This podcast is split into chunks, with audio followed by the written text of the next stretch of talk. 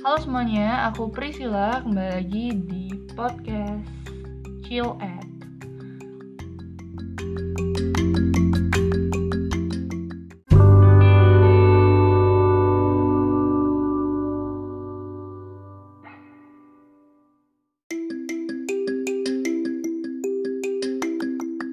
Nah, pada kesempatan kali ini aku ingin uh, belajar bersama ya, lebih tepatnya karena aku juga sambil baca jelasin tentang manajemen kredit atau lending.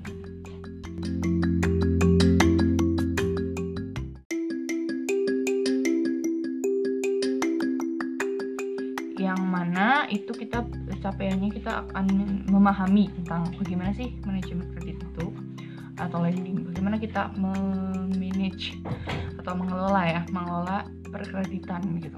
Nah, materi-materi pelajaran kita yang akan kita ketahui ini, yang pertama itu kebijakan penggunaan dan pertimbangan penyaluran dana. Oke teman-teman bisa sambil buka PPT-nya ya, ini slide kedua. Nah, kebijakan penggunaan dan pertimbangan penyaluran dana itu yang pertama. Jadi kita tahu uh, dasar hukumnya lah ya, kebijakannya apa. Nah, habis itu pengertian dan jenis kredit kita tahu jenis-jenis kredit. Kalau kita tahu jenis-jenis kredit, kita mungkin akan lebih bisa untuk memanage apa aja kredit yang ingin kita pilih sebagai uh, kredit kita gitu. Habis itu kita memberikan prinsip pemberian kredit, habis itu kita juga memprosedur pemberian kredit itu gimana kolektor lebih kolektibilitasnya. Nah, habis itu kita mengalokasikan dana pengalokasikan dana itu adanya aliran masuk dan aliran keluar ya kan nah aliran masuk itu kita tuh menghimpun dana dalam bentuk simpanan gitu jadi uh, di, di bank ini uh, memiliki aliran masuk yaitu berupa tabungan-tabungan kita yang dikelola di bank. Dan aliran keluarnya itu yaitu uh, membeli aset yang dianggap menguntungkan bank dan juga menyalurkan kembali dana ke masyarakat yang melakukan perkreditan. Jadi bagi orang yang butuh uang untuk pinjam dulu itu bisa melalui bank. Hmm, nah uangnya ini dari mana? Yaitu dari orang yang menabung atau deposit gitu selain itu bank juga dapat membeli aset untuk menguntungkan bank itu sendiri karena dari arus masuk dan arus keluar kan kita udah belajar di bab 2 ya uh, pasti ada selisih bunga yang menjadi keuntungan bank seperti itu slide 4 nah pengertian kredit. Sekarang kita udah masuk ke pengertian kredit dan pembiayaannya. Kredit itu apa sih? Kredit adalah penyediaan uang atau tagihan yang dapat dibersamakan dengan itu. Jadi kita menyediakan uang atau tagihan yang dipersamakan dengan itu atau dipersamakan dengan itu ya berdasarkan persetujuan dan kesepakatan pinjam meminjam antar bank dan pihak lain yang mewajibkan pihak peminjam melunasi utangnya setelah jangka waktu tertentu dengan pemberian bunga. Jadi intinya ada penyedia uang nih atau tagihan ya hmm, yang melakukan persetujuan atau kesepakatan pinjam meminjam antar bank atau pihak-pihak lain gitu kan. Yang mewajibkan pihak peminjam ini melunasi hutangnya setelah jangka waktu tertentu dan ini dengan bunga gitu. Jadi ini bukan cuma pinjam sama saudara, habis itu dibalikin pinjam seribu dibalikin seribu tapi ada bunganya. Nah itu namanya perkreditan. Itu apa tadi? Menyedia penyedia uang ini melakukan perikatan uh, pinjam meminjam antar bank atau pihak lain yang mana pihak peminjam ini nanti akan melunasi utangnya dalam jangka waktu tertentu dengan pemberian bunga gitu intinya lah kredit. Nah untuk pembiayaan itu adalah beda lagi, uh, yaitu penyedia uang atau tagihan yang dapat dibersamakan dengan itu berdasarkan persetujuan dan kesepakatan pinjam meminjam antar bank dan pihak lain mewajibkan pihak peminjam melunasinya setelah jangka waktu tertentu dengan imbalan atau bagi hasil. Jadi perbedaannya itu hanya dari bunga atau bagi hasilnya. Kalau dari jangka waktu tertentu saat melunasi itu uh, ditambahi dengan imbalan atau bagi hasil, maka itu namanya pembiayaan. Tapi kalau kredit itu berarti kita memiliki bunga akan itu. Gitu. Nah, unsur-unsur daripada kredit itu ada 1, 2, 3, 4, 5, 5 yang pertama kita percaya habis itu setelah kita percaya pada orang itu kita sepakat oke okay, aku percaya sama kamu. Ya udah kita sepakat. Pacaran ya ceritanya. Habis itu yang kedua yaitu berjangka waktu.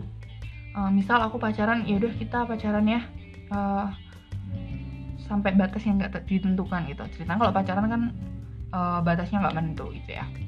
Jadi itu maksudnya jangka waktu kita sebagai ingat-ingatnya sebagai jangka waktu. Habis itu pacaran tuh tentu ada risikonya.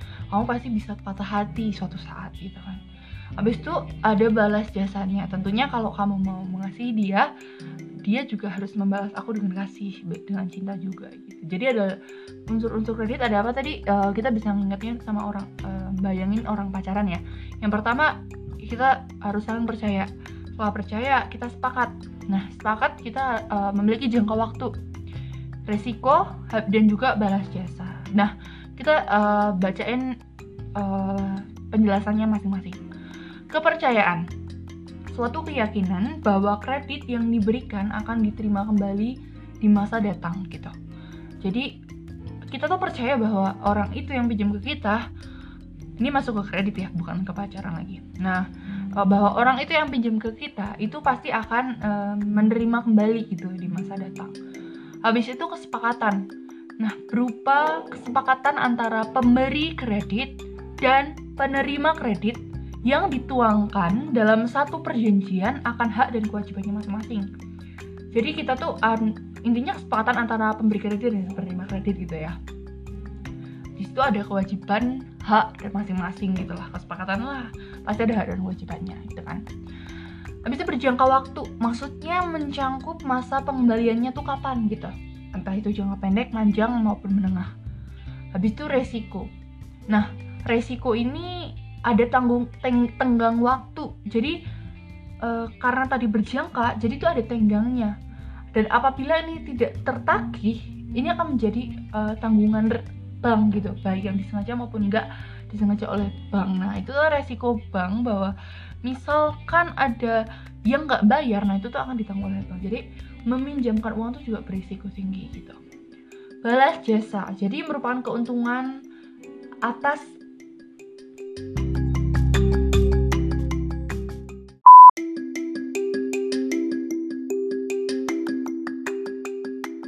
jadi merupakan keuntungan atas uh, pemberian atau kredit gitu gitu jadi ketika kita meminjamkan uang pasti kita juga mendapat balasannya gitu. Keuntungan dari kita pinjam itu itu namanya bunga tadi.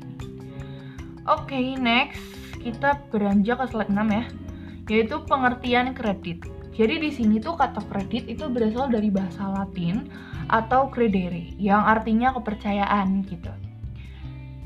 Berarti kreditur itu kan peminjam dan debitur itu yang menerima kredit gitu kan kreditur di sini dalam BLK ini bank dan lembaga keuangan tentunya adalah bank sebagai yang meminjamin gitu.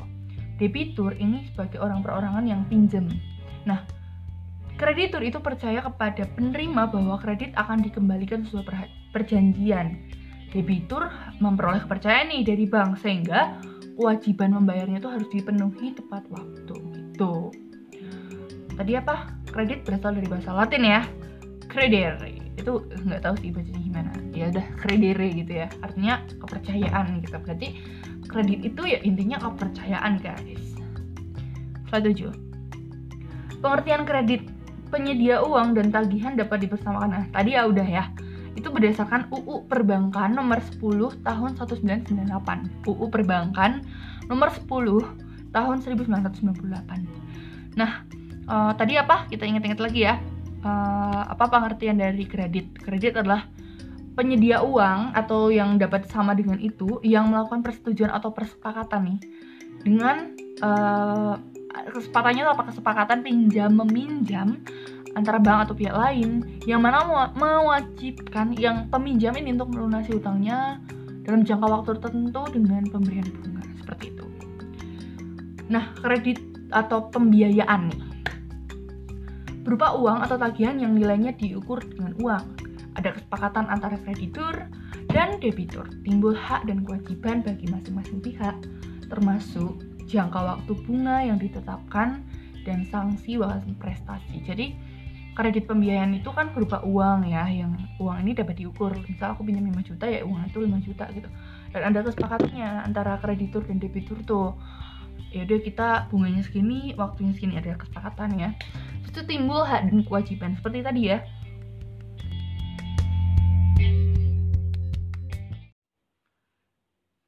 seperti tadi bahwa uh, tadi kita melakukan per, persepakatan itu pasti ada orang dan ada hak dan kewajiban yang timbul di dalamnya. Oke, okay? next slide 8.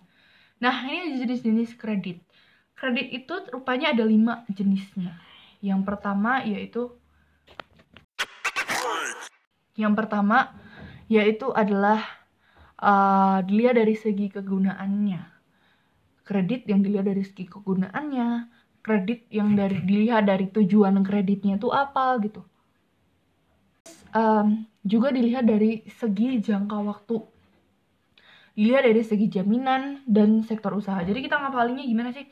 Uh, kredit itu Nah, kredit itu merupakan sesuatu yang dilihat dari segi kegunaan, ya kan? Aku berguna. Terus habis itu tujuan. Setelah aku berguna, pasti aku harus memiliki tujuan gitu. Manusia adalah makhluk yang berguna. Maka dia harus mempunyai tujuan untuk menyalurkan kegunaannya dia. Tapi manusia punya jangka waktu kehidupan. Nggak selamanya dia dapat hidup, ya kan? Nah, dia juga punya penjamin akan kehidupan ini. Bahwa dia tuh pasti bisa berguna gitu Nah, itu dibutuhkan dari sektor usaha. Begitu ya. Ngapalinya berarti kredit itu terdiri dari lima. Yang pertama, eh, kredit dilihat dari segi kegunaannya. Ya kan, manusia itu berguna. Habis itu dilihat dari segi tujuan daripada kreditnya. Manusia tuh memiliki tujuan gitu. Habis itu dilihat dari segi jangka waktunya. Berarti manusia tuh berjangka waktu. Manusia punya umur dong dan nggak bisa tanpa batas. Mereka punya waktu untuk hidup di dunia ini untuk dapat berguna gitu kan. Habis itu manusia di hidup di dunia ini punya menjamin bahwa mereka tuh pasti akan berguna esok nah habis itu bergunanya itu lewat apa? Ya itu lewat sektor usaha. Oke okay, next. Nomor uh, slide 9, 9 ya. Nah uh, slide 9 ini adalah jenis-jenis kredit dilihat dari segi kegunaannya ya kan? Tadi kan jenis-jenis kredit yang biasa ya. Kalau ini dari terlihat dari segi kegunaannya. Yang pertama tuh kredit investasi dan kedua adalah hmm, kredit modal kerja. Nanti ada berbagai jenis macam kredit. Ada tadi kan dari kegunaan.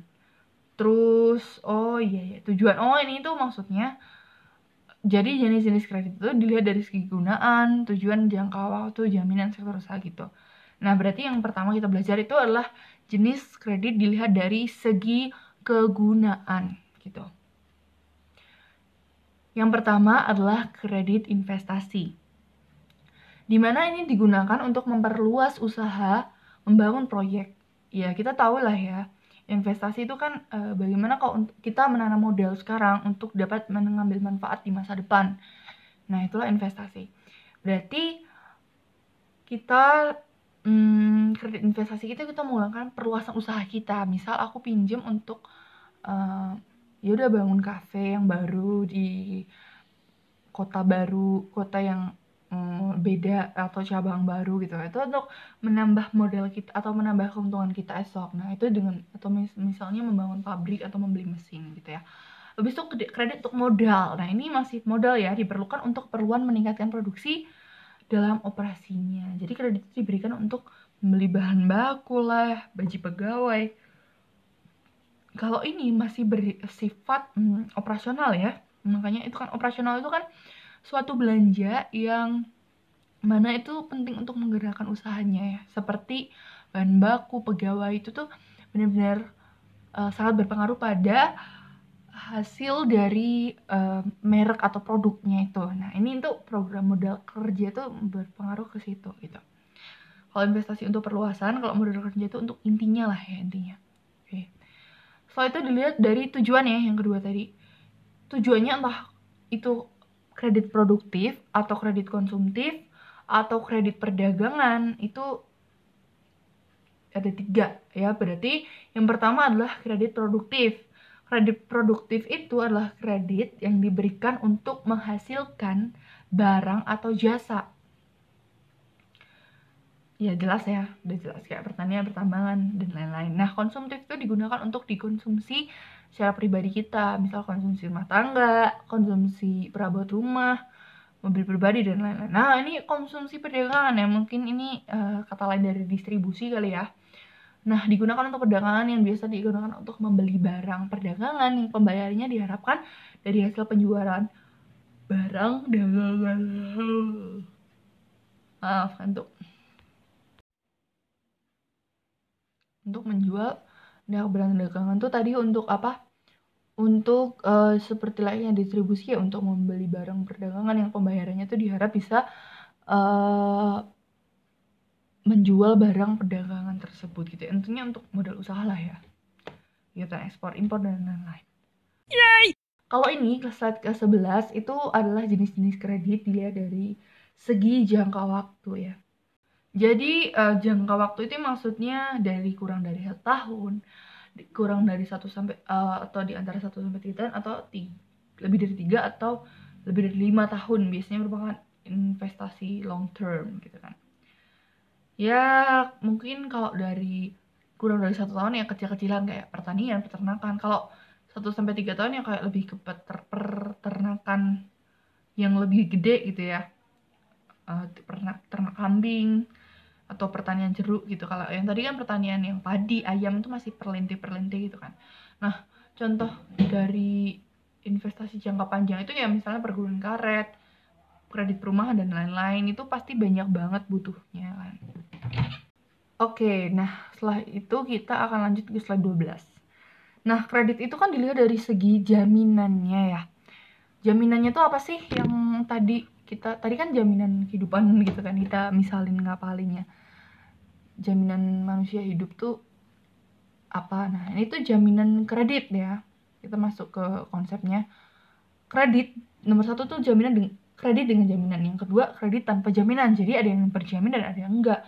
Nah, kredit yang jaminan itu kredit yang diberikan dengan satu jaminan atau dapat berbentuk barang berwujud, barang tidak berwujud, atau orang. Seperti itu. Ya. Setelah itu, ada kredit tanpa jaminan. Jadi, kredit yang diberikan tanpa jaminan barang atau orang tentu biasanya diberikan dengan melihat prospek usaha dan karakter serta nama baik calon debitur gitu. Jadi yang pertama tuh jaminan itu diberikan pada suatu jaminan dapat berbentuk barang wujud. Jadi kayak KTP kamu disita dulu atau gimana. Kalau tanpa jaminan ya pada melihat prospek usahanya itu udah bagus atau dia cuman uh, ngembangin usaha yang udah mapan gitu kan uh, selama ini juga ngembaliin dengan baik dan dia tanpa jaminan is okay, gitu. Oke, okay, untuk slide ke-13, jenis-jenis kredit dilihat dari segi sektor usaha. Nah, nah sektor usaha di sini tuh berarti ada banyak ya. Ada pertanyaan, peternakan, industri, pertambangan, pendidikan, profesi, perumahan, dan lain sebagainya. Itu sih bisa lah ya. Oke, kita belajar uh, tadi kan kita udah pokok bahasan kita yang di slide kedua. Kita udah belajar kebijakan penggunaan dan pertimbangan penyaluran dana. Udah, ya kan tadi kita bicara uh, tentang apa namanya? pengertian eh tadi slide yang pertama itu kebijakan penggunaan dan pertimbangan penyaluran dana itu uh, mungkin di slide 3 ini ya. Tapi kalau yang ini kita udah belajar juga tentang pengertian dan jenis kredit. Sekarang uh, dari slide 2 ini kita melihat materi pembelajaran yang ketiga, yaitu tentang prinsip pemberian kredit. Oke, kembali lagi ke slide uh, eh, 14. Kita masih ke jaminan kredit. Nah, habis itu uh, slide 16 kita belajar tentang prinsip pemberian kredit. Oke, jadi yang pertama jaminan kredit itu kredit dari segi jaminan. Kredit dari segi jaminan itu adalah dengan jaminan dan tanpa jaminan. Kalau dengan jaminan itu berarti benda berwujud. Ya kan? Atau tidak berwujud atau orang bahkan bisa dijamin. Kalau benda berwujud ya tanah, bangunan, kendaraan gitu motornya disita lah atau apalah. Nah, kadang uh, sebagai contoh nih, misal ada juga uh, aku tuh pernah main ke teman aku yang mana depan rumahnya itu disegel gitu rumahnya kayak rumah ini disita oleh bank. Berarti dia menjaminkan rumahnya untuk berhutang. Yang mana dia nggak bisa bayar hutang. Jadi alhasil rumah itu milik, jadi milik bank gitu loh. Berapapun nilainya, ya meskipun lebih banyak hutangnya mungkin dari nilai rumahnya, ya setidaknya bank nggak rugi-rugi amat gitu lah karena punya jaminan gitu ya. Habis itu ada benar yang nggak berwujud tuh kayak sertifikat saham, rekening tabungan, wesel, dan lain-lain. Orang juga bisa. Oke. Okay? Jaminan untuk kredit dengan jaminan. Oke. Okay. Kalau ini benda dengan jaminan berarti benda yang berwujud. Contohnya ya bermo kendaraan bermotor, mesin, barang dagangan. Jaminan tidak berwujud. Ini lebih luasnya ya berarti ya. Jaminan tidak berwujud itu sertifikat saham, obligasi, tanah, deposito, sertif rekening tabungan yang dibekukan, wesel dan lain-lain. Jaminan orang itu kayak jaminan orang yang or, jaminan yang diberikan oleh seorang dan apabila kredit tersebut macet, maka orang tersebut yang menanggung resikonya. Seperti itu. Oke, kita masuk ke materi pembelajaran kedua yaitu prinsip pemberian kredit. Yang pertama, prinsip itu berarti uh, landasan ya, apa tekad memberi kredit itu gimana sih gitu. Jadi kita bayangannya, wah kenapa aku sih beri, kenapa sih aku uh, mengkredit gitu kan. Nah, yang pertama itu karakter. Karena tujuannya adalah memberikan kepercayaan kepada bank bahwa karakter dari orang yang akan diberi fasilitas kredit ini dapat dipercaya. Hal ini merupakan ukuran penilaian yang akan atas kemauan nasabah membayar kreditnya. Jadi karakter, jadi melihat karakter masing-masing orang bahwa bank itu percaya itu akan uh, yang diberi fasilitas kredit ini, percaya akan nasabahnya gitu. Oke, okay? capacity. Nah, capacity ini untuk melihat kemampuan calon nasabah dalam membayar kredit. Kita lihat capacity-nya. Bisa nggak sih dia membayar kredit? Yang dihubungkan dengan kemampuan mengelola bisnisnya selama ini, ya kan? Serta kemampuannya mencari laba. Tentunya dong. Hal ini terkait dengan penilaian atas kemampuan nasabah dan membayar kredit. Uh, ingat nggak film ini?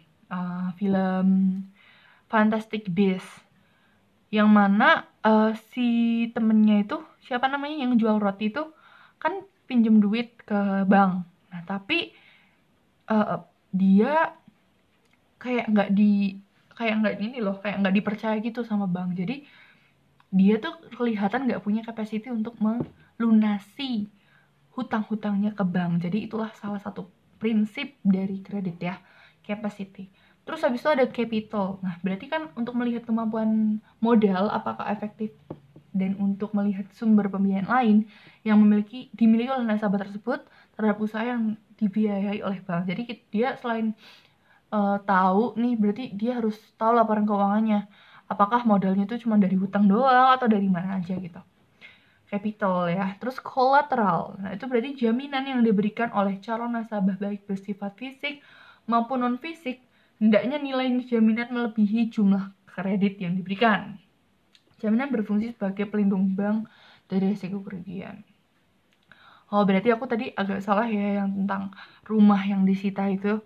Itu berarti bank udah menilai rumah itu yang mana pasti akan melebihi daripada uh, uang yang dia pinjamkan. Itu namanya prinsip kolateral. Jadi udah uh, jaminan diberikan oleh calon nasabah baik bersifat fisik non fisik yang melebihi jumlah kreditnya itu yang diberikan tuh secara nyata apa nah condition condition di mana nilai kredit juga menilai kondisi ekonomi sekarang dan masa akan datang sesuai sektor masing-masing serta prospek usaha yang akan diberi fasilitas kredit. Jadi, dalam menilai kredit itu juga menilai kondisi masing-masing sekarang dan masa yang akan datang sesuai sektor masing-masing serta prospek usaha yang akan diberikan diberi fasilitas kredit.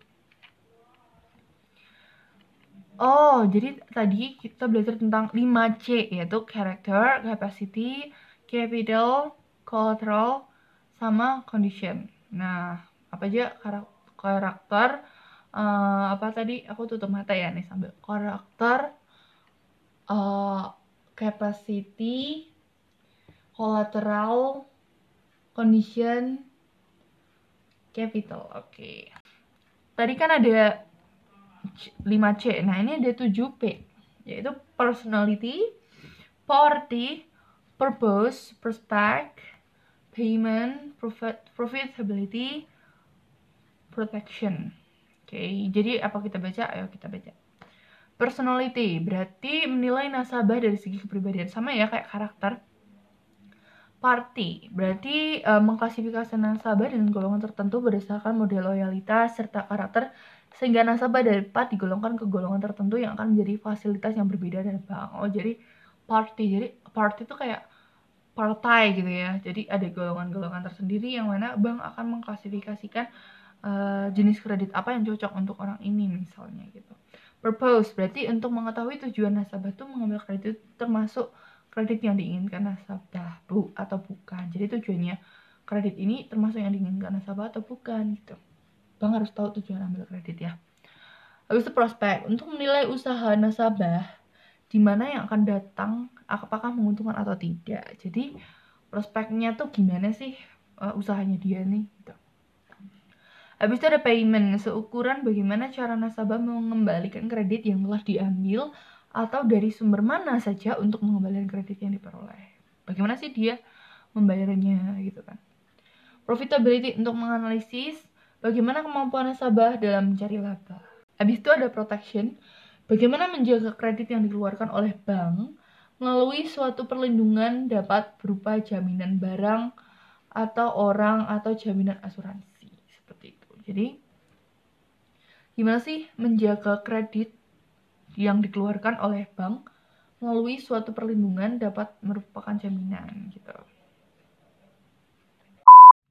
Oke, jadi kita sekarang belajar tentang aspek-aspek penilaian kredit lainnya. Ya, jadi sekiranya kita baru setengah ya.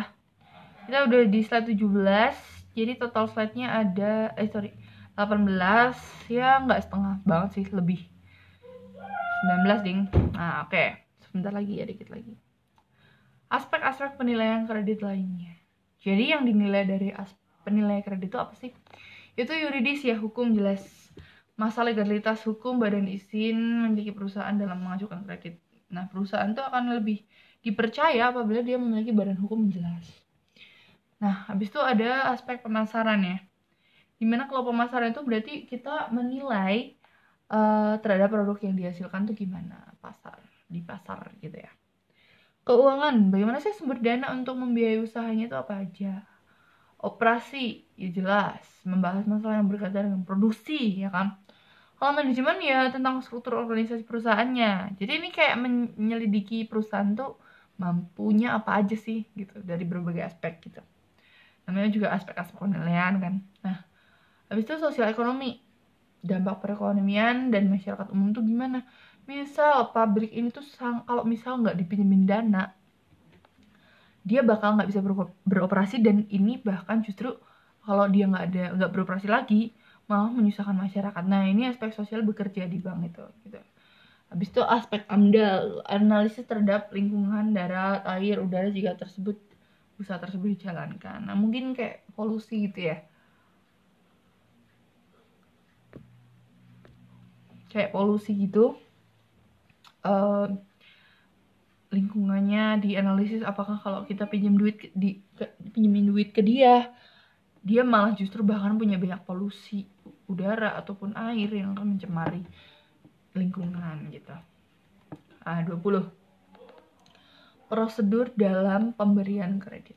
Jadi yang pertama kita mengajukan berkas kita punya proposal misal kayak latar belakang tujuan jangka waktu cara pengembalian jaminan kita nyiapin itu semua habis itu dilampiri dengan akte notaris TDP lab KU tiga tahun terakhir.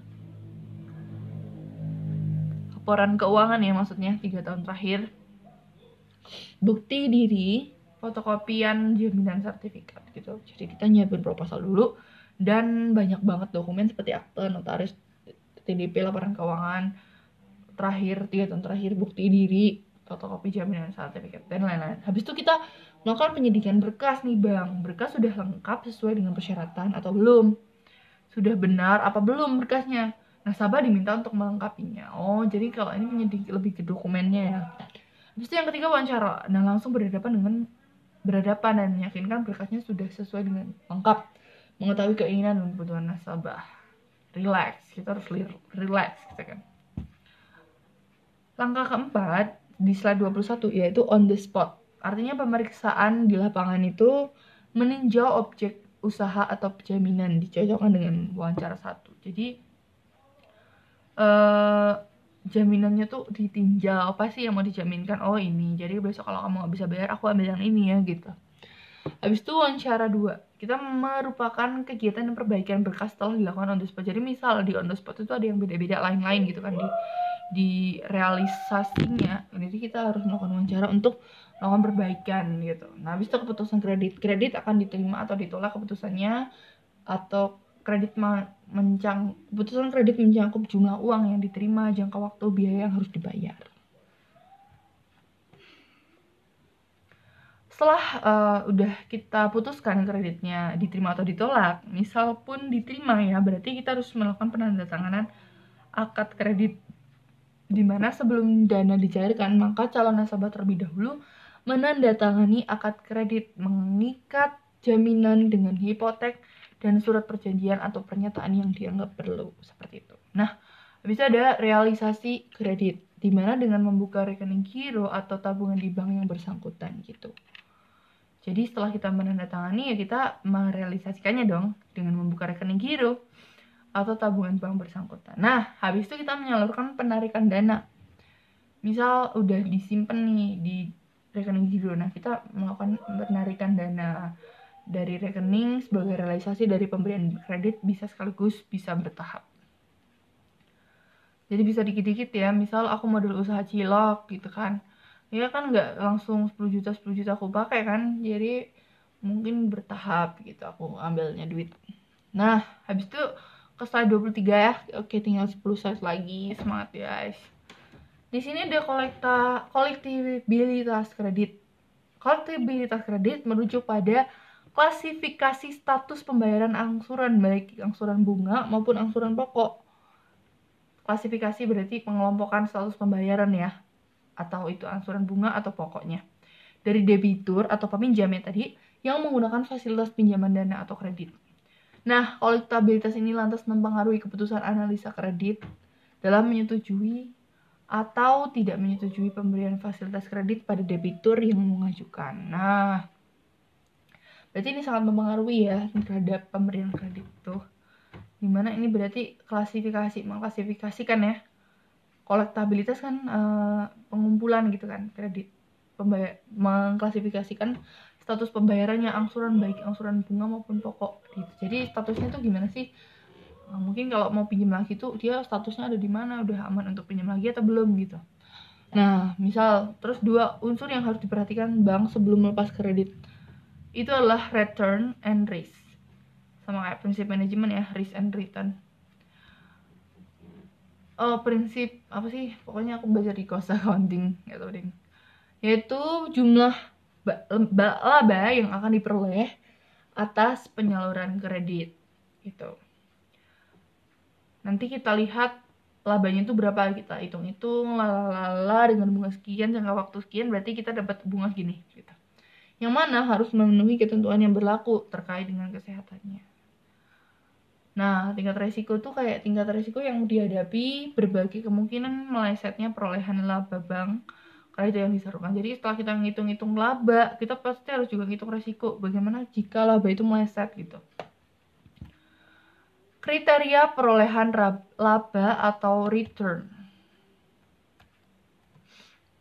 24 ya eh smart dikit lagi wow kriteria perolehan laba atau return jadi kriterianya yang pertama adalah ROA return on asset oh ini kayak pelajaran cost accounting beneran ya kayak ada empat ya ROA nya tingkat pengembalian aset atas adalah rasio profitabilitas yang menunjukkan persentase laba bersih diperoleh dari perusahaan sehubungan dengan keseluruhan sumber daya rata-rata seluruh aset. Jadi profitabilitas ya rasio profitabilitas rasio uh, yang menunjukkan untung keuntungan dari uh, perusahaan ini di mana dia merepresentasikan persentase dari uh, laba bersih dengan seluruh rata-rata jumlah aset gitu ya.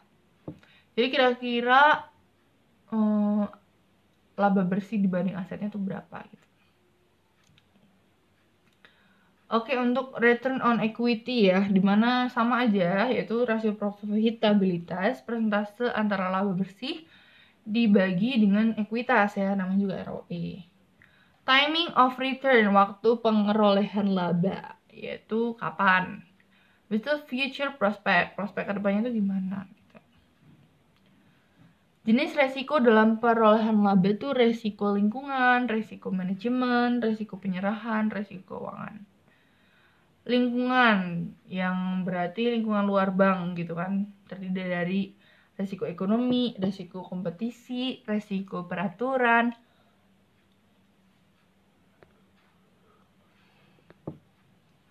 Setelah itu ada resiko manajemen, yang mana resiko yang diberikan dengan resiko dalam internal perusahaan seperti resiko organisasi, resiko kemampuan, dan resiko kegagalan.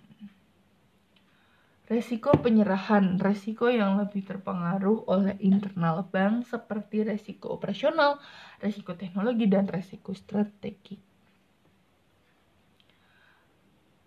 Resiko keuangan, ya kita berkaitan dengan erat dengan internal dan eksternal dong, seperti resiko likuiditas, resiko suku bunga, dan lain-lain.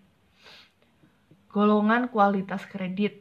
Nah, di sini kualitas kreditnya itu ada uh, ada lima ya ada lima golongan. Yang pertama lancar oh lancar jaya. Pembayaran angsurannya tepat waktu terus. Memiliki mutasi rekening yang aktif gitu kan nah bagian dari kredit yang dijamin dengan anggunan tunai. Oh kredit yang dijamin dengan anggunan tunai gitu. Cash collateral. Collateral tadi apa?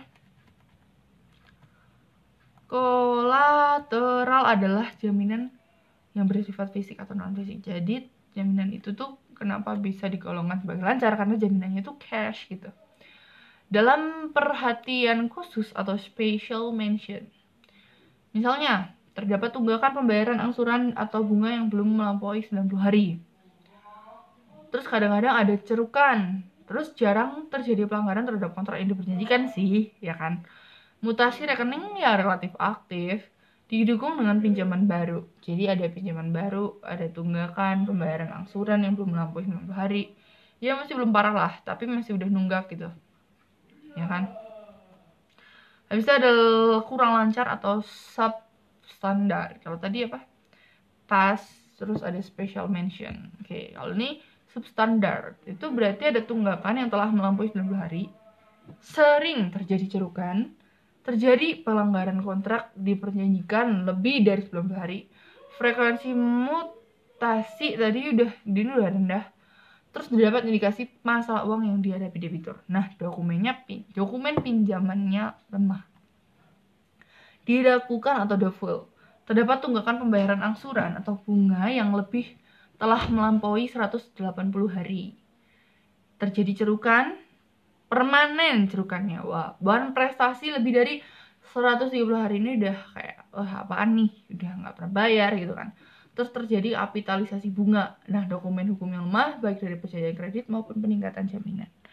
Macet atau loss nah kriterianya adalah terdapat tunggakan pembayaran angsuran pokok bunga yang melampaui 270 hari kerugian operasional ditutup dengan pinjaman baru dari segi hukum dan kondisi pasar jaminan tidak dapat dicairkan pada nilai yang wajar.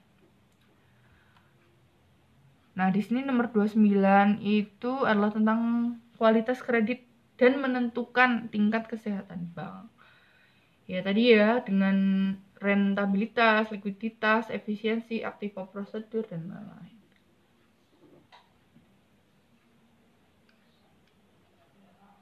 Oke, dari penyelesaian kredit macet. Kredit macet dapat disebabkan oleh dua unsur sebagai berikut.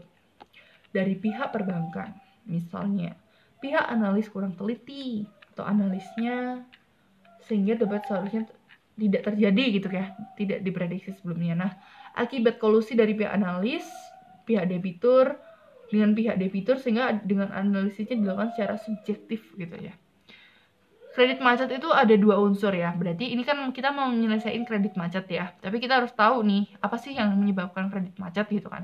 Yang pertama tuh dari bank. Ada bank yang kurang teliti ya kan atau pihak yang malah kolusi gitu. Kalau kurang teliti emang biasa ya.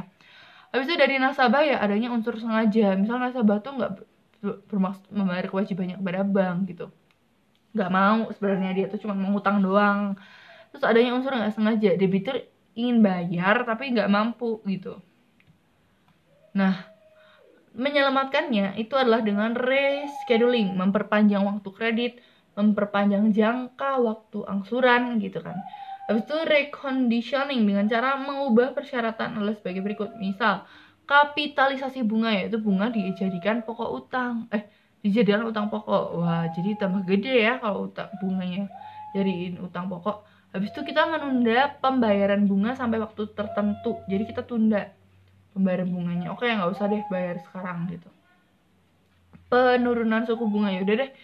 Yang penting modalnya balik, turunin aja bunganya gitu kan habis itu pembayaran pembebasan bunga atau malah bebas sekalian bunganya gitu. Yang pertama adalah rescheduling kita main-main dengan waktunya atau reconditioning kita main-main dengan bunganya gitu kan.